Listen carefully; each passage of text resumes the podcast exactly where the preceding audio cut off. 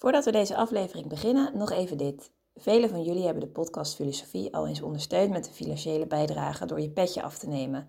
Daar zijn we super blij mee en daarmee draag je ook echt iets bij en maak je onze podcast mede mogelijk. Zo ook Boy en Jan die recentelijk hun petje af hebben genomen. Super veel dank daarvoor. En wil jij ook als trouwe luisteraar ons een steuntje in de rug geven en ervoor zorgen dat we nog lang door kunnen gaan? Kijk dan op petjeaf.com slash podcastfilosofie. Daar vind je alle info en bijdragen kan al vanaf 3 euro per maand. En het biedt ook leuke extra's op, zoals bijvoorbeeld toegang tot onze bonusafleveringen. Maar voor nu, veel plezier met deze aflevering. We herkennen de moderne democratische revolutie het best aan de volgende omwenteling. Geen enkele macht is aan een lichaam verbonden. De macht verschijnt als een lege plaats en zij die haar uitoefenen als eenvoudige stervelingen die haar slechts tijdelijk bezetten. De democratie luidt de ervaring in van een ongrijpbare en onbeheersbare samenleving, waarin het volk voortdurend zijn identiteit ter discussie zal stellen. Met deze woorden typeert de Franse filosoof Claude Lefort de democratische samenleving. Hoe keek Lefort aan tegen democratie? Wat bedoelt hij met de lege plaats van de macht? Waarom kan volgens hem uit democratie totalitarisme voortkomen? Over deze vragen en nog veel meer gaan we het de komende drie kwartier hebben. De gast is Paul van der Wiel, de denker die centraal staat, Lefort.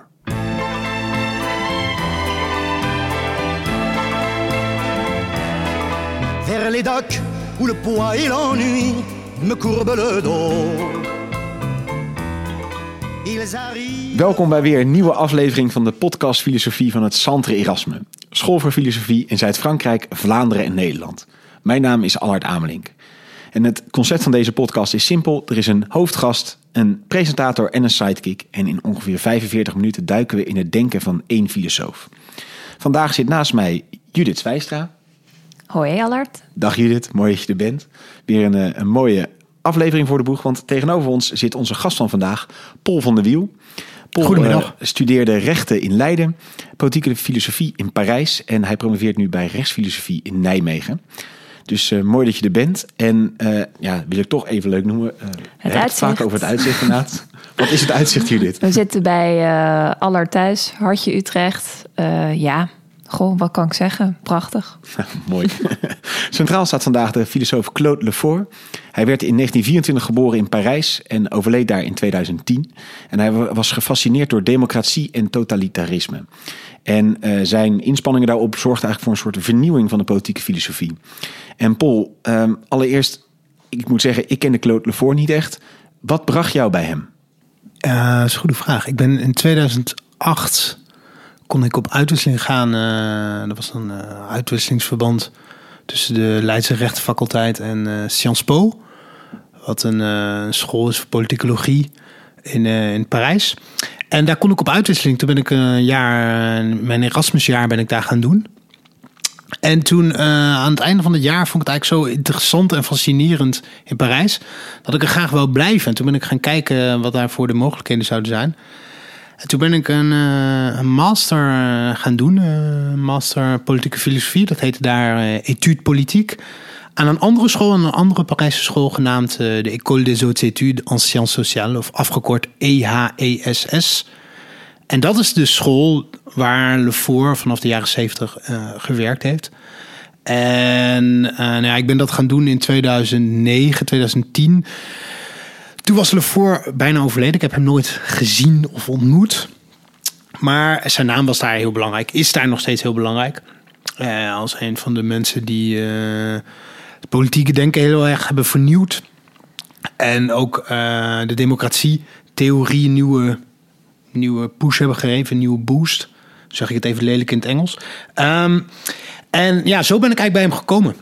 En wat is een beetje de, de kern van zijn denken? Of wat, wat maakt dat hij zo'n vernieuwende geest was in dat opzicht?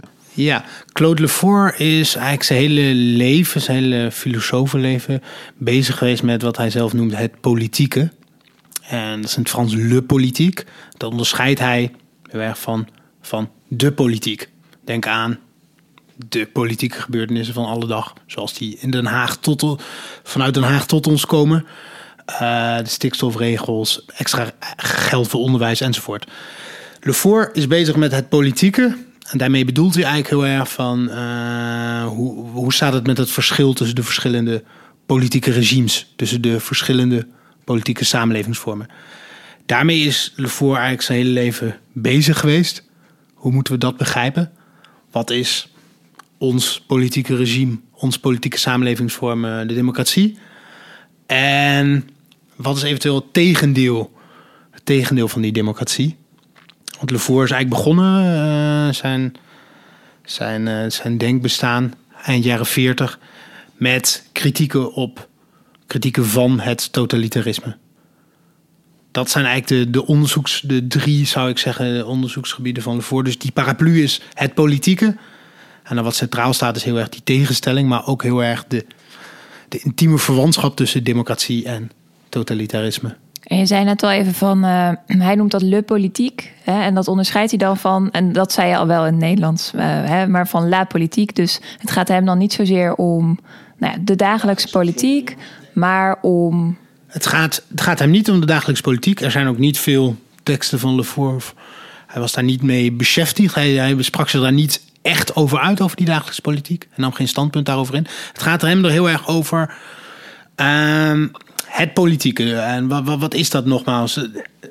Het feit dat er zoiets als is als de politiek, la politiek, zegt Lefour, dat heeft zelf al een politieke betekenis. Dat duidt zelf al eigenlijk op ons, onze samenlevingsvorm. Dat geeft een uh, vingerwijzing naar onze samenlevingsvorm, de democratie. En wat zegt het daarover inderdaad? Ja, goede vraag. Wat zegt het daarover? Nou, dat er zoiets is als de politiek die onderscheiden is van andere deelgebieden in onze samenleving. Denk aan het recht, denk aan het sociale, waar bijvoorbeeld de sociologie mee bezig is. Denk aan het esthetische. Er zijn allerlei deelgebieden die je daar kunt maken. Dat duidt eigenlijk al op een, op een samenlevingsvorm. Maar die zie je niet als je, zoals bijvoorbeeld de uh, empirische politieke wetenschap, met de politiek bezig bent. En daar gaat het ervoor om. Dus afstand nemen, een soort metaniveau betrekken. En dan te zien van, hé, hey, wat is eigenlijk, um, hoe, hoe staat het met het verschil tussen die samenlevingsvormen? Wat is onze eigen samenlevingsvorm, ons eigen regime, waarbinnen zoiets is als de politiek, in vergelijking tot andere regimes? Dat is de vraag naar het politieke. Zeg maar je zegt dan dat, dat politieke zit eigenlijk in veel meer dingen dan alleen in de dagelijkse politiek. Ja, in zekere zin wel. Het politieke is hoe uh, een politieke samenlevingsvorm is geordend. Wat zijn er voor indelingen in die politieke samenlevingsvorm? Wat zijn de grondbeginselen daarvan? Hoe verschijnt de macht? Heel belangrijke vraag bij voor. Hoe stelt de macht zich voor? Hoe doet de macht zich voor? Dat zijn eigenlijk uh, meer op een metaniveau kijkt hij naar, die, naar het begrip politiek. Ja, dus dan is inderdaad de politiek een van de verschijningsvormen van het politieke. Zou je Wat zijn andere verschijningsvormen van dan het politieke? Ja, je, je, eigenlijk is het feit dat er. Ik zou het iets anders zeggen. Ik zou eerder zeggen dat het feit dat er zoiets als politiek is, de politiek is, dat duidt er eigenlijk al op. Uh, en waar, waar dan inderdaad ook de, de politieke wetenschap uh, studie van maakt. Hè, door te kijken naar uh, wat zijn de verbanden tussen de verschillende instituties. Door te kijken naar bijvoorbeeld de geschiedenis van politieke partijen, de logica daarvan enzovoort. Dat hele veld van de politicologie. Daarvan zegt Lefour, ja, maar dat kan eigenlijk alleen maar binnen een, binnen een democratische samenleving. En dan gaan we het zo hebben wat hij bedoelt met democratie. Binnen een democratie is dat eigenlijk alleen maar mogelijk. Maar het gaat juist Lefour om, wat is nu juist die democratie in vergelijking tot bijvoorbeeld oude samenlevingsvorm, het ancien regime. Denk aan, hoe zag de politieke samenlevingsvorm van het China van de 12e eeuw eruit? Het is duidelijk hè, dat je daar niet, niet op de komt. politiek kan fixen. Nee. Helemaal. Nee. Door op de politiek te, te, te fixeren, door je daarop te, te focussen, kom je niet aan die vraag toe. Nee. Lefour zegt ook heel duidelijk: hè, de politieke wetenschap die is, eigenlijk bestaat eigenlijk bij de gratie van het feit dat die vraag niet wordt gesteld. Het verschil tussen de verschillende politieke samenlevingsvormen. Die vraag, daar kan de politicologie niets mee. Daarvoor zegt, nee, ik probeer me bezig te houden met politieke filosofie. Ja, op, dus een, op een groter niveau net eigenlijk. Op een, ja. op een metaniveau. Het is een, ja. vooral ook een ander niveau om die vraag te kunnen stellen naar de verschillende politieke samenlevingsvormen. Om daartoe in staat te zijn eigenlijk. Om daar zicht op te krijgen, zou je kunnen zeggen ook, ja. En hoe kijkt hij dan naar onze democratische uh, bestel? Hoe, hoe, hoe, kijkt Ja. hij daarnaar op een metaniveau? eh? Ja, ehm Le Four is eigenlijk begonnen. Ik denk dat het goed is om daar misschien nog iets over te zeggen. Hij is begonnen dus vanaf het eind jaren 40, als hij dus nog een jonge, jonge twintiger is, met eh, kritiek van het, eh, van het totalitarisme. Nu, eh Le Four was aan het einde van, vanaf het einde van de oorlog links, maar hij was niet, zoals vele, vele Franse intellectuelen in die periode na de oorlog, hij was niet communistisch. Absoluut niet. Dus niet zoals bijvoorbeeld Jean-Paul Sartre, met wie hij ook in eh, begin jaren 50 op een gegeven moment in, eh, in het tijdschrift Temps Moderne de Degens kruist. Le Four was trotskistisch. En hij was heel erg kritisch op over de, de, de Sovjet-Unie.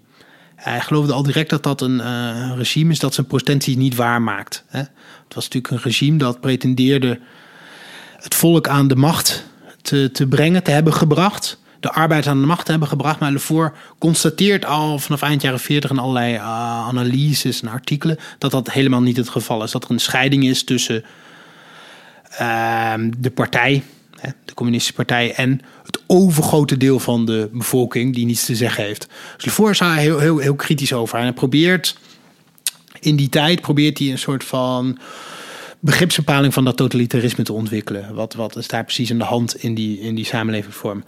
Want die term die bestond al wel. Dat, Die term Ja, ja. bestond al wel, maar die heeft Lefour denk ik ook nog wel een nieuwe, nieuwe, nieuwe wending gegeven. Dat is natuurlijk het boek eh, van Hannah Arendt.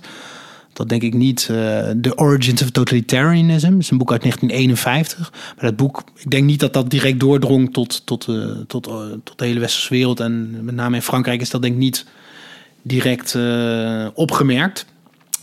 Eh, maar Lefour is heel erg in die jaren bezig met, met dat totalitarisme. Belangrijk als, als breukjaar te noemen is in zijn ontwikkeling het jaar 1956. Om een aantal redenen. Eigenlijk omdat er dan eh, drie jaar na de dood van Stalin... wordt op, een congres neemt Khrushchev, de leider van de Sovjet-Unie... neemt weliswaar afscheid... die neemt afstand, moet ik zeggen, pardon... van, van Stalin en van het Stalinisme. Hij zegt er zijn eh, excessen begaan. Maar tegelijkertijd... in die beroemde reden die hij houdt dan voor het politbureau... eh, op het politbureau... geeft hij al aan van... eh, we moeten wel vasthouden aan, aan onze principes aan de principes van het communistische bewind. En Lefour analyseert die reden en zegt eigenlijk, constateert eigenlijk al in 56, trekt hij eigenlijk als een conclusie en zegt totalitaire samenlevingsvorm, zoals bijvoorbeeld de Sovjet-Unie, dat is eigenlijk onhervormbaar regime. Is een onhervormbaar regime. We hoeven daar niet van te verwachten dat daar echt iets gaat veranderen. Dat kan niet. Dat, dat gaat tegen de logica van het regime in. Dat regime is een gesloten, compact regime dat ehm, ja, op een hele wezenlijke manier eigenlijk geen openheid en vrijheid in, eh, in zijn borst kan toelaten. Wat ook belangrijk is voor Lefour in dat jaar 56 zijn de opstanden die in het najaar uitbreken in Hongarije.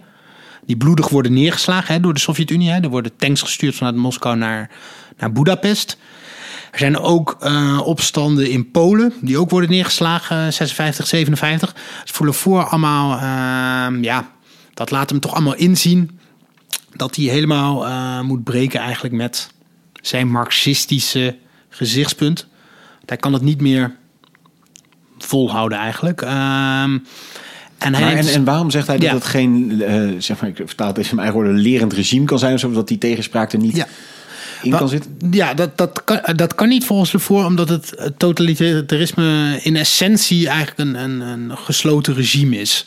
Maar misschien is het goed, want je vroeg net naar, naar de democratie. Misschien zou ik dat er maar meteen even bijhalen. Iets later, later in zijn parcours, we waren nu ongeveer rond 56. Lefour gaat dan eerst nog een proefschrift schrijven, een heel dik proefschrift van bijna 800 pagina's, bij, onder leiding van Raymond Aron, over Niccolo Machiavelli, de Florentijnse denker van begin 16e eeuw. Ehm, en in de jaar, vanaf de jaren 70 eigenlijk maakt Lefour, werkt Lefour na dat proefschrift aan een theorie van de democratie. Het is belangrijk dat democratie kan Lefour nooit denken zonder in te gaan op totalitarisme. En tegelijkertijd kan hij niet totalitarisme denken zonder in te gaan op democratie. Het zijn twee begrippen die helemaal bij elkaar horen. Het zijn elkaars tegendelen, tegen Polen. Maar tegelijkertijd is de democratie op een vreemde manier eigenlijk de voorwaarde voor totalitarisme. Hoe zit dat? Democratie ziet Lefour als het project van een samenlevingsvorm die op een bepaald historisch moment. Hè, we hebben het hier over de moderne democratie. Dus eind, eind 18e eeuw is er een soort van explosie, een soort democratische revolutie. En zegt, die democratie wordt geboren vanuit een hele duidelijke breuk met wat daaraan vooraf ging.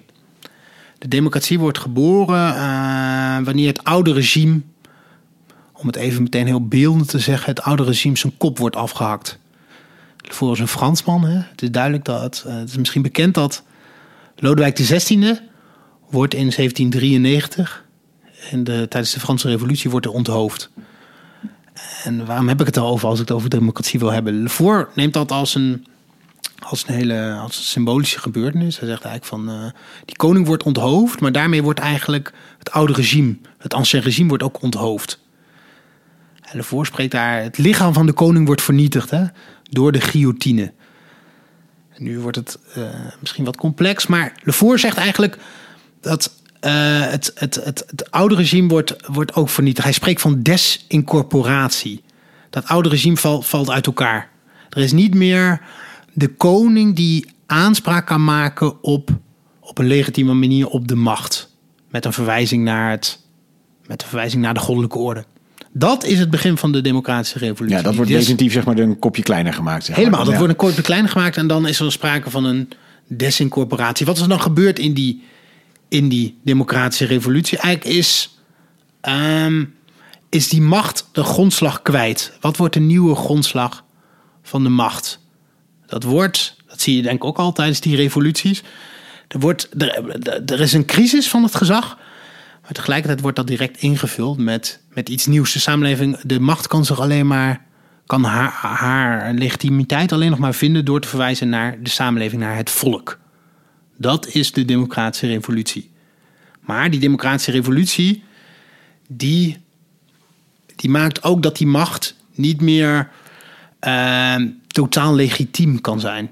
Die kan niet meer totaal legitiem zijn. Die macht is, zoals Levoor dan beeldend zegt, is een lege plaats geworden. Ehm, die macht is een lege plaats geworden omdat er geen absoluut punt meer bestaat binnen de democratie. Zoals je in vergelijking dan met voorheen in het ancien regime misschien de koning had die voor omhoog wijst naar God of zo, als duidelijk. Zeker, zeker. Ja. Die oude orde, daar, daarvan legt Levoor op heel veel punten, die ligt helemaal achter ons. Dat, dat, dat is voorbij. De democratie is in zekere zin het regime dat juist die onbepaaldheid op de troon zet. De onbepaaldheid der dingen, de onbepaaldheid van de verhoudingen. Ehm, er wordt weliswaar naar het volk verwezen, maar tegelijkertijd ehm, is die verwijzing die is altijd eh, latent. Eh, dat is eigenlijk voor, voor, voor, die democratische revolutie. Want hoe bedoel je dat het een latente verwijzing is? Waar- waarom is het een lege plek? Zeg maar? Want je zou toch Ja. kunnen zeggen eigenlijk... op die plek waar eerst de koning zat met de verwijzing naar God... zit nu gewoon het volk. het volk. Ja, Ja. maar juist omdat, zeker. Maar om, juist omdat die, dat absolute punt verdwenen is, ehm, is de macht eigenlijk ook van zijn, van zijn, eh, van zijn grondslag, van haar grondslag ontdaan. En eh, is er weliswaar een verwijzing naar het volk, maar ehm, het is onduidelijk hoe dat dan precies voor moet krijgen, die, die, die, die, volks, die volkssoevereiniteit. Die democratische samenlevingsvorm, die wordt eigenlijk gekenmerkt door onzekerheid continu. De onbepaaldheid.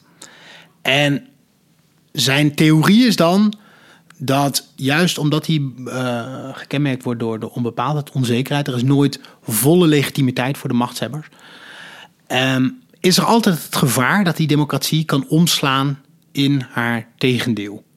Misschien toch nog heel even terug naar die onbepaaldheid. Ja. Ehm, wil, ja, probeer je daar dan mee te zeggen van eh, het volk kan niet eh, altijd met één mond spreken? Of eh, hè, dus, dus er zit altijd iets van ambiguïteit in het volk, want het is nou eenmaal niet één lichaam of Ja. één. Hè? Wat, Ja. wat is nou precies die onbepaaldheid? Ja. Ehm, hoe is dat het beste uit te leggen? Het, het, het belangrijkste punt lijkt mij toch die, die, die, die, die grondslag van de macht die verdwenen is. Ehm, en daarvoor in de plaats komt weliswaar het volk. Maar het volk ehm, zal altijd in vertegenwoordigde vorm zijn uitdrukking vinden. Dus er is altijd een. Een kleine, er is altijd een discrepantie tussen de daadwerkelijke macht en het volk. En dat volk kan ook weer op een gegeven moment andere Zeker. machthebbers willen. Z- zeker, zeker. Dat is een beetje de, het- kan Zeker. nog de wind De macht- de andere kant op waaien. Ja, zeg maar. in zekere zin, eh, de macht wordt, zoals ervoor zegt, wordt een symbolische instantie. De macht wordt weliswaar gelegitimeerd met een verwijzing naar het volk, maar er blijft een afstand heel erg tussen dat volk, het, het, het reële volk, het sociale volk en de macht. En de macht kan alleen maar die, die- dat volk, die volkswil, voorstellen, tot uitdrukking brengen, eh, daar een afbeelding van geven, maar kan daar nooit mee, mee samenvallen in zekere zin. Dat is eigenlijk het, het, beslissende punt van Lefort. Dus hij zegt, die, die representatie in de samenleving, die, die vertegenwoordiging, eh, die is onvermijdelijk. En die kunnen we niet opheffen. En dat is een andere representatie dan de koning als representatie van God, omdat je dat minder symbolisch en meer direct zou moeten Ja, zien. die, die is natuurlijk. Die, die, die representatie is ook symbolisch, maar die, die heeft een hele andere. Het is een andere symboliek, omdat die een beroep doet op.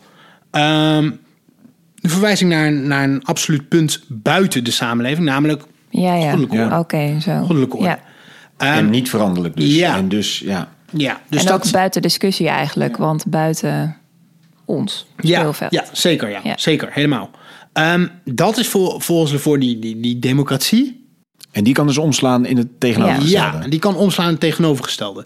Eh Slevoor zegt van... ehm, we kunnen eigenlijk totalitarisme alleen begrijpen... als we vatten welke re- relatie het heeft tot de democratie. Waarom? Eh, ik, heb, wel- ik, had, ik had het net al over dat, over dat ancien regime. Dat, we- dat stelde zich voor, zegt Levoor... Hè, met een verwijzing naar de, de medievist Ernst Kantorowicz.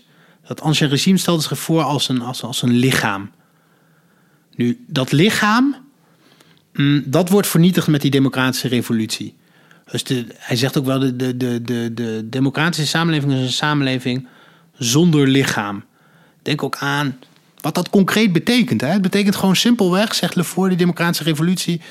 betekent dat er geen enkel lichaam... en stel je dat heel concreet voor. Denk aan het lichaam van onze machthebbers. Denk aan de persoon... Mark Rutte. Ja. De persoon Mark Rutte. Bij- Veel Onze mensen willen wel graag zo dat één op één aan iemand koppelen, maar Zeker. dat is niet reëel. Maar, maar Nee. dat is dus volgens Lefort fundamenteel onmogelijk geworden.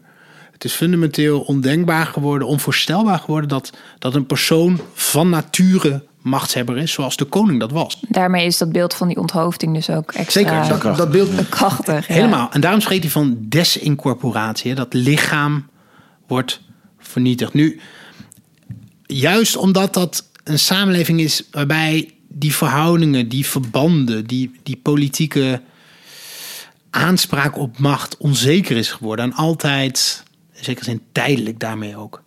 Altijd binnen instituties eh, in de tijd begrensd is. Eh, De instituties maken het mogelijk. Lefort is niet iemand die heel veel spreekt over democratische instituties zoals parlement, eventueel de gerechtshoven enzovoort.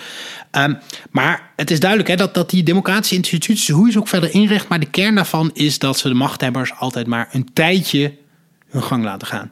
Vier jaar, vijf jaar, aan bepaalde regels gebonden. Verdeeldheid is een extreem belangrijk begrip voor die democratie. Het is het begrip division in het Frans. Dus democratie is de samenlevingsvorm als je een als je één definitie van die democratie moet geven, dan, dan zou ik zeggen: democratie, democratie is een samenlevingsvorm waarin stilzwijgend verdeeldheid wordt toegelaten. Waarin stilzwijgend verdeeldheid wordt aanvaard. En wa- wat betekent dat woord? Want ik noemde het woord, het Franse woord division, wat bij Lefort heel centraal is. Dat woord kun je ook vertalen met, laten we zeggen, indeling, scheiding, onderscheid. In die democratische revolutie komt meteen al aan de oppervlakte de, de mensenrechtenverklaring hè, van 1789. Verklaring van de rechten van de mens en van de burger. Komt al meteen een hele serie scheidingen. En daar legt voor heel erg de nadruk op. Komen daar aan de oppervlakte weer die division. Denk aan de scheiding tussen de staat en de burgerlijke samenleving. Voor het eerst wordt die scheiding eigenlijk echt, echt zichtbaar dan. Je hebt een eigen staatsdomein dat afgescheiden is van de burgerlijke samenleving. Maar Lefort zegt ook, wat kenmerkt die democratische revolutie en daarna die democratische samenlevingsvorm ook heel erg. Ook allemaal terug te lezen in de eerste tien artikelen van die mensenrechtenverklaring. Een scheiding tussen het domein van de macht, waar politiek wordt bedreven, het domein van, laat maar zeggen, de wet een eigen juridisch domein dat eigenstandig is, zelfstandig is. Maar ook het domein van het, het vrije spreken. Het domein van, dat noemt Levoort het domein van de kennis. Maar je kunt dat ook prima noemen het domein van het vrije spreken. Denk aan wat wij hier doen bijvoorbeeld.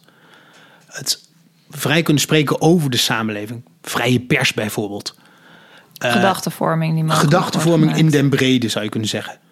Die fundamenteel een ander domein is dan het domein van de macht. Dat daar niet mee mag samenvallen.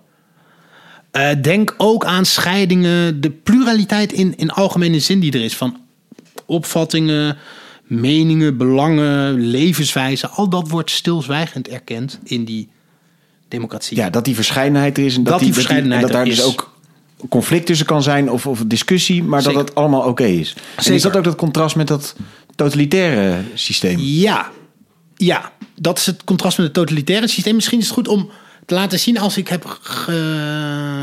Ik denk dat ik een beetje heb geprobeerd te laten zien. ehm, dat die democratische revolutie eigenlijk al vanaf het begin, maar ook daarna.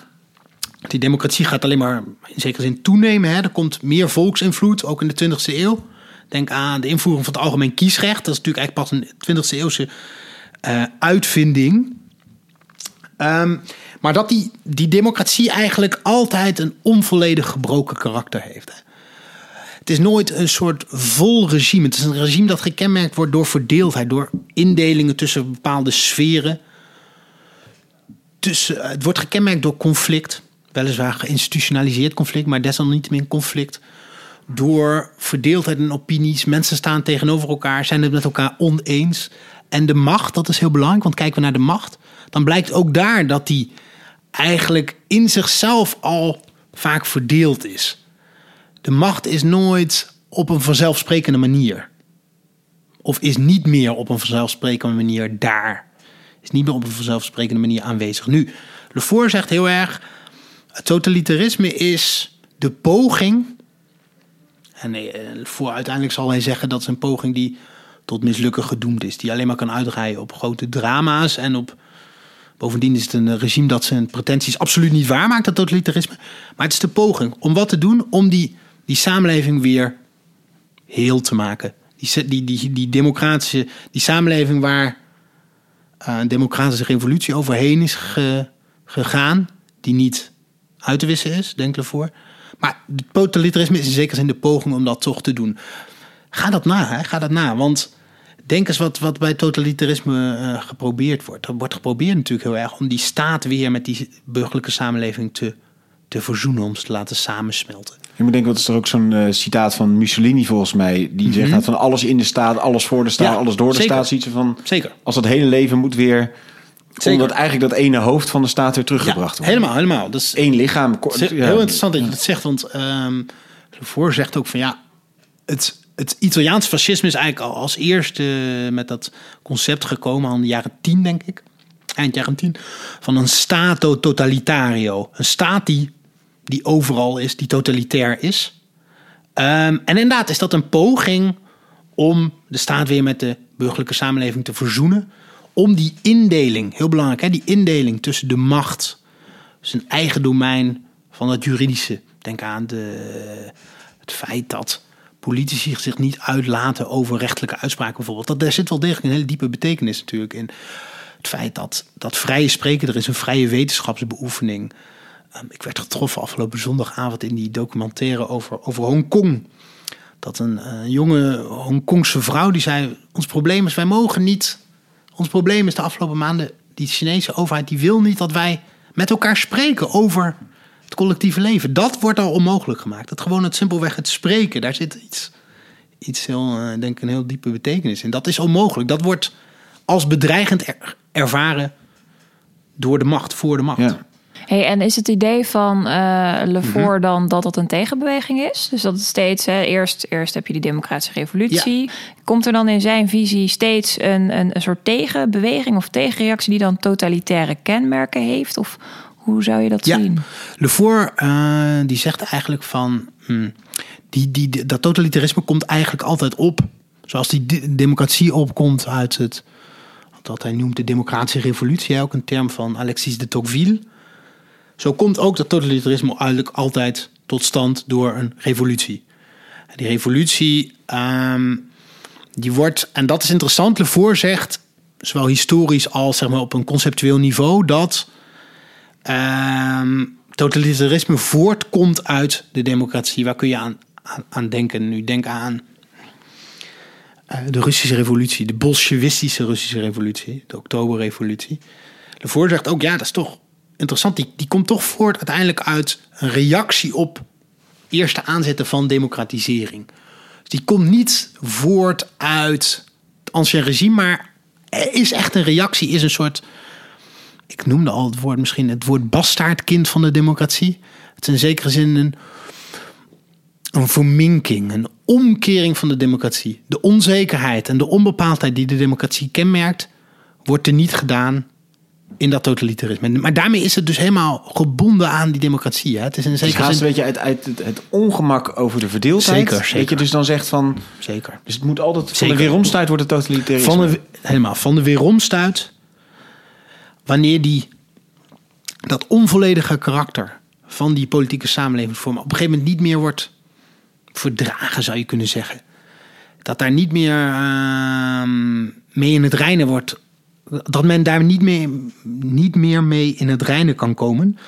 Uh, Lefort zegt ook bijvoorbeeld, wanneer conflicten in de samenleving, binnen die democratische samenleving nog, wanneer die niet meer op een symbolische manier kunnen worden opgelost in de politieke instituties. Wanneer conflicten tot het uiterste worden doorgedreven. Wanneer, laat maar zeggen, vijandbeelden, tegenstellingen, die in principe bij de democratie horen, conflicten. Uh, wanneer die tot het uiterste worden doorgedreven, niet meer een symbolische sublimatie, ik zeg het nu even met mijn eigen woorden, vinden in die, in die politieke sfeer, dan ontstaat het gevaar, zegt Lefort, dat, dat het beeld van, laten we maar zeggen, het beeld van één volk, wat een heel belangrijke term is binnen, die, binnen dat totalitarisme, idee van Lefort, um, dat dat de overhand krijgt en dat, die, dat dat totalitarisme um, kan ontstaan. Maar het is dus een reactie, dat is, dat is denk ik de kern. Het is een reactie op, op die democratie. Maar uh, meestal sluit een beetje af met de link naar de actualiteit. Maar ik moet nu, als je zegt dat, dat die tegenstellingen zijn niet meer in, het, in de politieke sfeer op te lossen, denk ik aan Amerika bijvoorbeeld, waar ik denk dat het heel sterk aanwezig is, waarin je een soort gescheiden leefwerelden hebt, denk ik, door, in zo'n twee-partijenstelsel waar nu weder van twee kanten heen en weer wordt geroepen van lock him up uh, uh, over Trump. En dat ging eerder natuurlijk altijd over, over Hillary Clinton.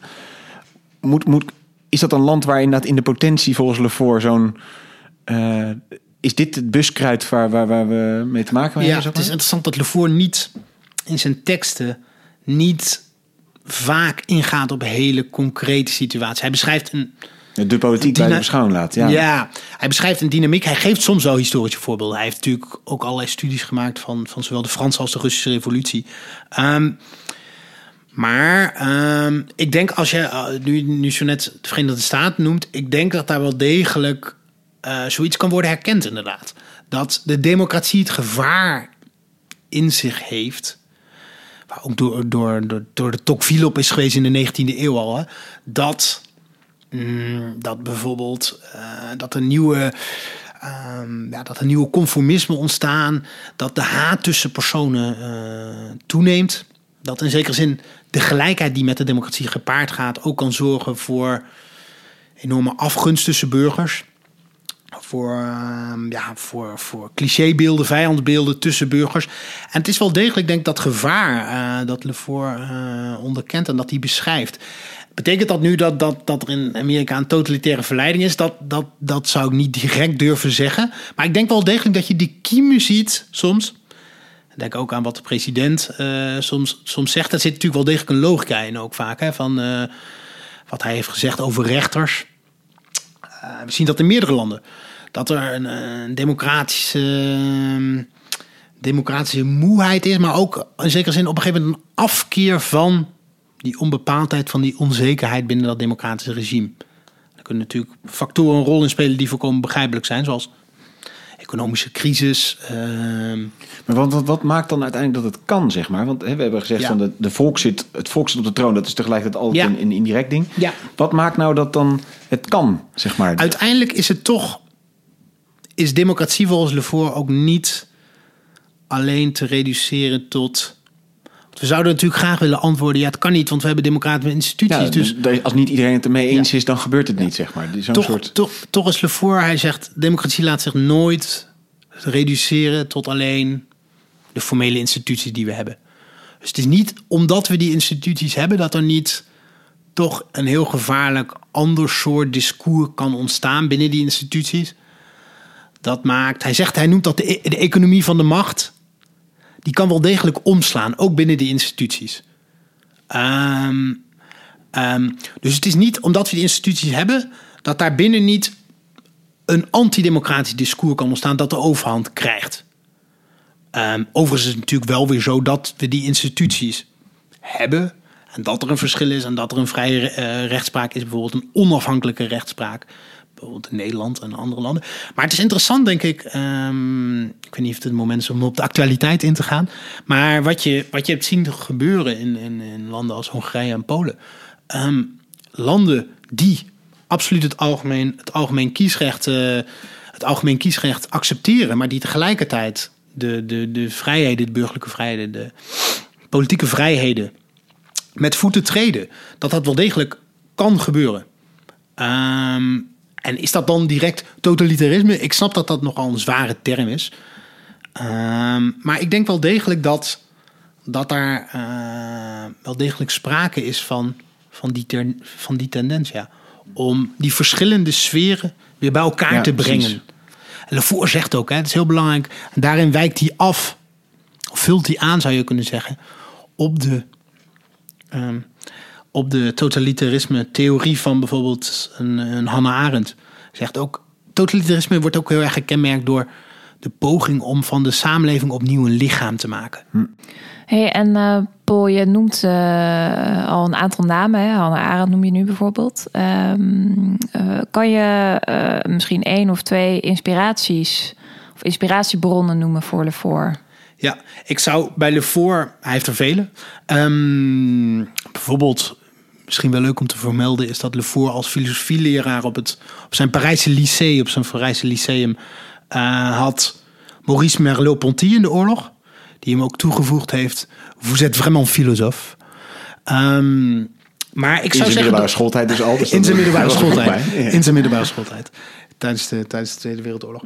Ehm, maar ehm, ik zou noemen al bij Lefort, als ik het, ik zou drie leermeesters van Lefort noemen. Eh, in zijn tijd al dode denkers. Dat, dat is op de eerste plaats, eh, op de allereerste plaats, Niccolò Machiavelli, de Florentijns eh, van begin 16e eeuw. En verder de 19e eeuwers Marx en Tocqueville. En dat kun je dus teruglezen eigenlijk in de werken van, van, van Lefort. Wat, wat zou jij, als je één werk zou moeten noemen van Lefort, zijn belangrijkste werk noemen? Dat is een goede vraag, Judith. Ik denk dat. ehm, ik zou kunnen noemen de bijna 800 tellende studie over Machiavelli uit 1972. Niet echt het instapmodel dus. Maar Nee. dat, eh, Het punt is, Lefort is heel erg een vragend en zoekend denker. Ehm, zoals Paul Frisse dat ooit mooi heeft opgeschreven. Lefort is geen systeembouwer. Het is geen, het is geen Kant, het is geen Hegel. Lefort is eerder een, ehm, iemand die, ja, ik zei het eigenlijk al, een vragend en zoekend denker is. Die, ehm, maar die, die, die absoluut een enorme eenheid in zijn geschriften heeft. En, absoluut. ehm, maar die dat niet doet in één groot boek. Hij is veel meer de man van het artikel. Het artikel, het vraagstuk van de democratie. Het beeld van het lichaam en het totalitarisme. De logica van het totalitarisme. Democratie en vertegenwoordiging. Hey, en er is niet zoveel in het Nederlands eh, vertaald, hè? Dus, eh, Nee, maar Niet heel veel. wel wat. ja. Eh, van wat er in het Nederlands is vertaald, zou je daar iets van kunnen noemen? Van wat is nou een aanrader? Ja, nou, er is, er is een bundel verschenen die, die, die Bart Verheijen en ik, een collega van mij en een vriend van mij, heb ik samen met hem een bundel gemaakt getiteld Wat is politiek? Waarin elf artikelen staan van Lefort. Onder andere de artikelen die ik zo net genoemd heb. Nog een aantal andere. Heel vaak, dit is ook belangrijk om, om misschien over Lefort nog te vermelden. Het is heel erg een denker die op een historisch vergelijkende, analytische manier te werk gaat en niet op een normatieve manier. Daarvoor is altijd uitgegaan van historische gebeurtenissen. In zijn leven en ook in zijn denken. Dankjewel, Paul. Zeer eh, interessant. Ik eh, denk dat we een hoop gehoord hebben. Ook dat is altijd mooi, vind ik, met politieke filosofie, dat het eh, eh, zeer actueel is. En dat je dus ook altijd een hoop links naar de, naar de, de hedendaagse situatie ziet. We zijn begonnen met Claude Lefort, die een onderscheid maakt tussen le en la politiek. En eigenlijk dus het politieke introduceert, wat niet alleen maar is van wat er in, zeg maar, in Nederland in de Tweede Kamer dan gebeurt, maar veel breder is dan dat. Ehm, we hebben het vervolgens gehad over de democratische revolutie die plaatsvond. Waarin eigenlijk het oude lichaam, het ancien regime, onthoofd is. Letterlijk in 1793 met uh, Lodewijk XVI. Uh, en daarna eigenlijk dat lichaam uiteengevallen is. Ehm, de plek van de troon van de koning eigenlijk, zeg maar, is daarmee symbolisch leeg komen te zijn. De macht is niet meer aan één persoon gekoppeld, maar is een stuk diffuser. Uh, het volk zit officieel is aan de macht, maar dat zit altijd een, een link tussen, een, een gat tussen wat de macht is en wat het volk is. En in die democratische samenleving is het normaal dat er verdeeldheid is. Dat er uh, de machten gescheiden zijn, uh, het, juridische van het politieke. Dat er uh, verdeeldheid is tussen mensen en dat ze het niet altijd met elkaar eens zijn. En eigenlijk dat ongemak of die struggle daarmee, die wordt opgelost met het totalitarisme. Um, en dat totalitarisme wil eigenlijk proberen dat hele al die krachten weer onder één lichaam samen te brengen en dat allemaal weer tot één logisch kloppend geheel te maken. Nou, we hebben daar al wat historische voorbeelden van genoemd en ook actuele voorbeelden van hoe je ziet hoe bijvoorbeeld in Polen en Hongarije die beweging ook wordt ingezet om dat juridische domein weer eigenlijk bij diezelfde macht onder te brengen. Dus uh, dankjewel Paul nogmaals, echt uh, zeer uh, interessant. En dankjewel ook Judith voor, voor jouw rol. Ja, graag gedaan. Wij blijven enthousiast doorgaan met deze podcast. Wij gaan ook in de komende weken weer mooie afleveringen maken. We zijn inmiddels ook op social media vertegenwoordigd. Dus volg ons vooral ook op Instagram. Um, daar zie je ook weer welke nieuwe afleveringen gaan maken. En abonneer je ook vooral in je podcast app als je op de hoogte wil blijven van nieuwe afleveringen. Voor nu hartelijk dank voor het luisteren en graag tot de volgende keer. 我们。